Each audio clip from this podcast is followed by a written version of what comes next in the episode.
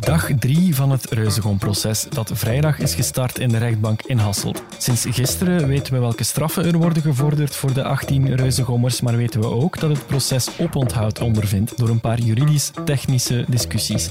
Hangt de Reuzegommers echt een effectieve celstraf boven het hoofd? Wat hadden de twee medeschachten toe te voegen aan het verhaal? En hoe gaat het proces nu verder? We bellen opnieuw met gerechtsjournalist Douglas de Koning in deze korte extra aflevering. Mijn naam is Dries Vermeulen. Dit is duidelijk. Duidelijk, de morgen.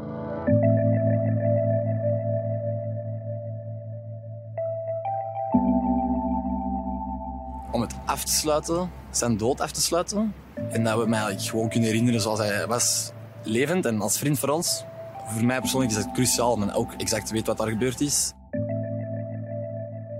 Er lijkt op het orgelpunt van de doop, hè, het moment van de visjes, lijkt er niemand aanwezig te zijn geweest. Dat is heel raar.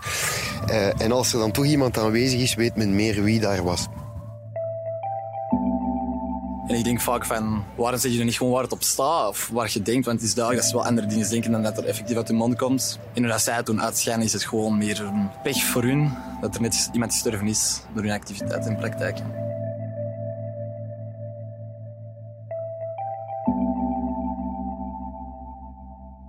Dag Douglas. Hallo, hallo, actrice. Jij was vandaag opnieuw in de rechtbank in Hasselt voor de derde keer al voor het Reuzegon-proces dat vrijdag begonnen is.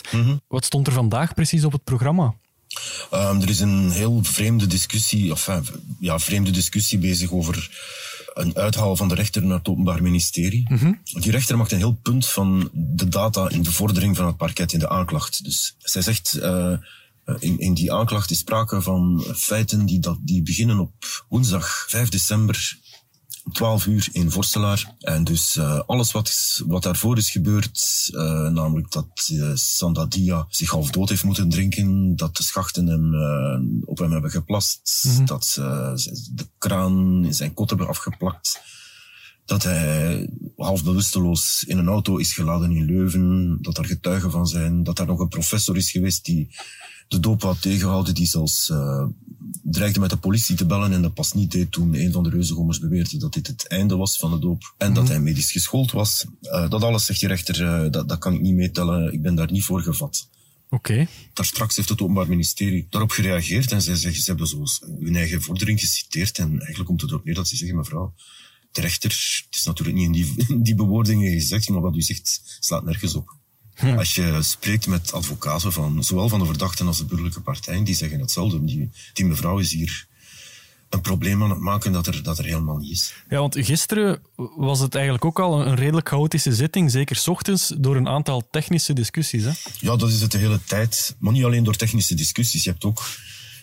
Ik denk dat dat een beetje het, het ding is dat ten gronde speelt, niet alleen bij die rechter, bij nog mensen.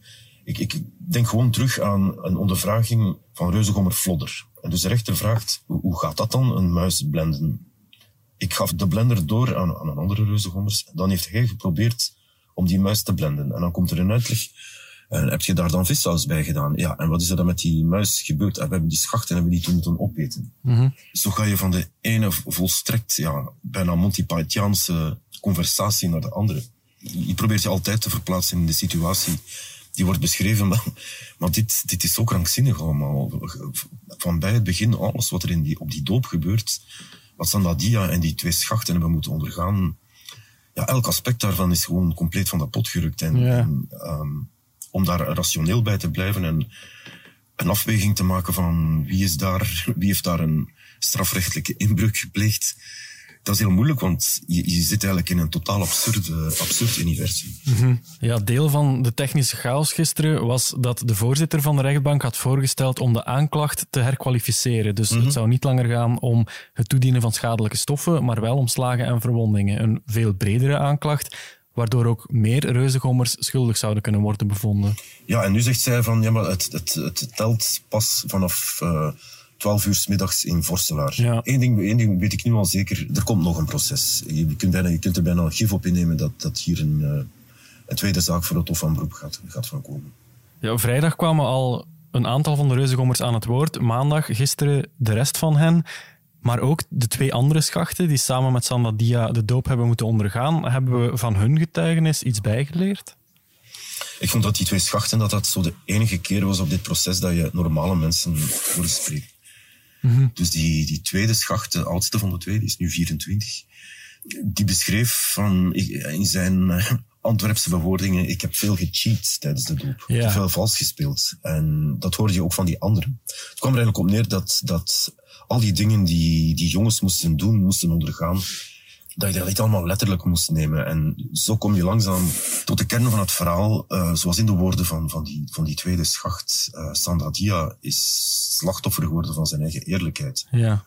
Um, er is het gedoe geweest, op een gegeven moment moeten die mensen een, een goudvis doorslikken. Dus ze moeten een goudvis in hun mond nemen, dan moeten ze van een bidon visolie drinken. Daarvan drinken, dat is ongeveer het meest degoutante dat het menselijk lichaam kan verdragen. De bedoeling is dat ze daar zo hard van kotsen, dat die vis daar terug uitkomt. Ja. Dus zegt die tweede schacht, ja, ik heb die vis gewoon even onder mijn tong gelaten. Ik heb die, uh, gedaan alsof ik visolie dronken en heb ik die gedaan alsof ik die vis terug uitgekotst heb. En ja, iemand moet hem dat dan wel hebben verteld. Of ja, hoe dat precies in zijn werking is gegaan, uh, nobody knows. maar mm -hmm. het, het, ding is wel dat Sandadia uh, dermate hoeveelheden zout in zijn lichaam heeft gekregen, dat hij onvermijdelijk op een hartstilstand is afgestevend. En dan moet je je afvragen, uh, allemaal witte jongens, één is dat niet. En die krijgt die voorkennis van, dit moet allemaal zo letterlijk genomen worden. Die krijgt hij dan niet mee. Ja. Sinds gisteren weten we ook welke straffen er gevorderd worden. Alle 18 reuzengommers riskeren een celstraf. In het uh, zwaarste geval, dat van de schachtentemmer, gaat het om 60 maanden, vijf jaar cel. Is dat wat er ongeveer werd verwacht? Vooraf was gezegd dat er tussen één en vijf jaar gevangenisstraf zou worden gevorderd. Dus ja, in die zin ligt dat, ligt dat ergens wel in de lijn van de verwachting. Alleen dat er slechts voor één de men het op 18 maanden houdt en voor alle andere 24 maanden. Dat vind ik wel een beetje verrassend. Vergeet ook niet, er komt die nieuwe wet van Vincent van Quickenborne. Waardoor niet langer zo is als je, dat als je minder dan drie jaar gevangenisstraf aangesmeerd krijgt, dat je niet naar de gevangenis moet. De gevangenisdirecteurs zelf hebben daar al een noodkreet over geslagen dat dit gaat leiden tot uh, een, een, een, enorme extra overpopulatie van de nu al overbevolkte gevangenissen. Mm -hmm. Het lijkt er een beetje op dat als het zou gaan zoals het uh, gisteren klonk, ja, dat die mensen echt uh, te vrezen hebben voor wat er op hen afkomt. Acht je het realistisch dat enkele of meerdere reuzengommers effectief in de gevangenis belanden? Oh, ik denk dat er hoe dan ook nog te vroeg voor is. Dat proces is nog bezig. En zoals het evolueert met uh, een bijna op voet van oorlog met elkaar staande rechter en openbaar ministerie, ja. uh, voelt je nu al aankomen dat dit, uh, dat dit nog maar de eerste ronde is. Mm -hmm. En dat het echte proces waarschijnlijk pas voor het Hof van Beroep in Antwerpen zal worden gevoerd. Ja, ja. Tegelijkertijd zegt het Openbaar Ministerie dan ook, uh, maar wij staan open voor wat u daar in uw pleidooien over te zeggen heeft. En bijna zegt hij van, doe mij een tegenvoorstel. Dus ja, die strafmaten, dat klinkt allemaal heel, heel alsof uh, die 18 reuzengommers uh, over enkele weken één voor één in de gevangenis worden opgesloten. Ik heb daar mijn twijfels bij. Ja, je zei daarnet al dat het heel moeilijk is om niet emotioneel naar deze zaak te kijken. Voor de familie van Sanda Dia is dit natuurlijk, is het natuurlijk bijzonder emotioneel hè, om, om daar aanwezig te zijn. Gisteren heeft zijn vader de zaal zelfs verlaten op een bepaald moment. Wat is daar precies gebeurd?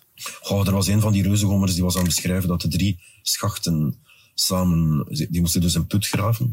Want al, al, al die martelingen speelden zich af in een put waar ze dan werden bekogeld met, met emmers water. En die, die vertelde doodleuk tegen ja, alle indicaties in het dossier, in alle vaststellingen in. Je moet weten dat de schop, Sandadia, die ocht, uh, voor de doop in de Brico City in Leuven, de schop is gaan kopen waarmee die, hij die put moest graven. Uit alles blijkt dat die put mm -hmm. keer in de grond is gestoken en dat die, uh, ja, Sandadia gewoon niet in staat was om nog wat dan ook te doen. Mm -hmm. En dus het, het, feit dat dat zo laconiek werd verteld door die ene reuzengomer, bracht, die, bracht de papa ertoe om ineens te roepen van je ligt je ligt en je ligt al de hele tijd. Ja. En dat is het, het heel sterke gevoel bij de familie. Zij kennen het dossier ook. Zij zien ook hoe die reuzengommers heel ge, ge, gecoördineerd ervoor zorgen dat er eigenlijk niemand is die een kwaad woord zegt over een ander, tenzij heel, heel occasioneel. Ze hebben een heel slecht geheugen als het erover gaat van wie heeft tijdens die doop precies wat gedaan. En ze zijn ook de enige getuigen van wat daar is gebeurd. De anderen zijn die twee schachten. Maar daar zag je ook dat die uh, tijdens die doop op een punt kwamen dat, dat die nauwelijks nog re realiteitsbesef hadden. Dat die ene zei, ik begon zinnen te vormen zonder context. Uh, verloor het gevoel in mijn benen. Dus ja, de, de enige die echt kan zeggen uh, wie op tijdens die doop wat heeft gedaan, zijn de Reuzengommers zelf. Mm -hmm. En die zeggen het zich niet precies te herinneren. En dus daar sta je dan met uh, 18 advocaten die allemaal gaan kunnen zeggen van bewijs maar eens dat het mijn cliënt was. Ja. Hoe gaat het proces nu verder na vandaag? De debatten worden maandag voortgezet. Uh, maandag om negen uur, dan zijn de burgerlijke partijen aan zet. Zij houden, hun pleidooi. En daarna begint, uh, beginnen de pleidooi van de verdediging. Dat gaat heel lang duren. Dat, uh, men waarschuwt ons nu al voor zittingsdagen die tot tien uur s'avonds gaan duren. En daarna komen nog eens de replieken van het Openbaar Ministerie. En misschien ook van de burgerlijke partijen. En dan tegen volgende week vrijdag zou het proces afgelopen moeten zijn. Oké, okay, dus jij zal ook volgende week nog een heel groot deel van je tijd doorbrengen in de rechtbank in Hasselt. Ja, dat ziet er naar uit. Douglas de Koning, dankjewel voor dit gesprek. Oké, okay, dag Dries. Alle meest recente updates over dat Reuzegom-proces kunt u uiteraard altijd blijven volgen via de app van de morgen of op onze website. En nu donderdag zijn we er opnieuw met een gewone aflevering van Duidelijk. Dan gaan we het over iets helemaal anders hebben. Hopelijk luistert u dan opnieuw via onze app of via Spotify of Apple Podcasts. Heel graag tot dan. Dit was Duidelijk.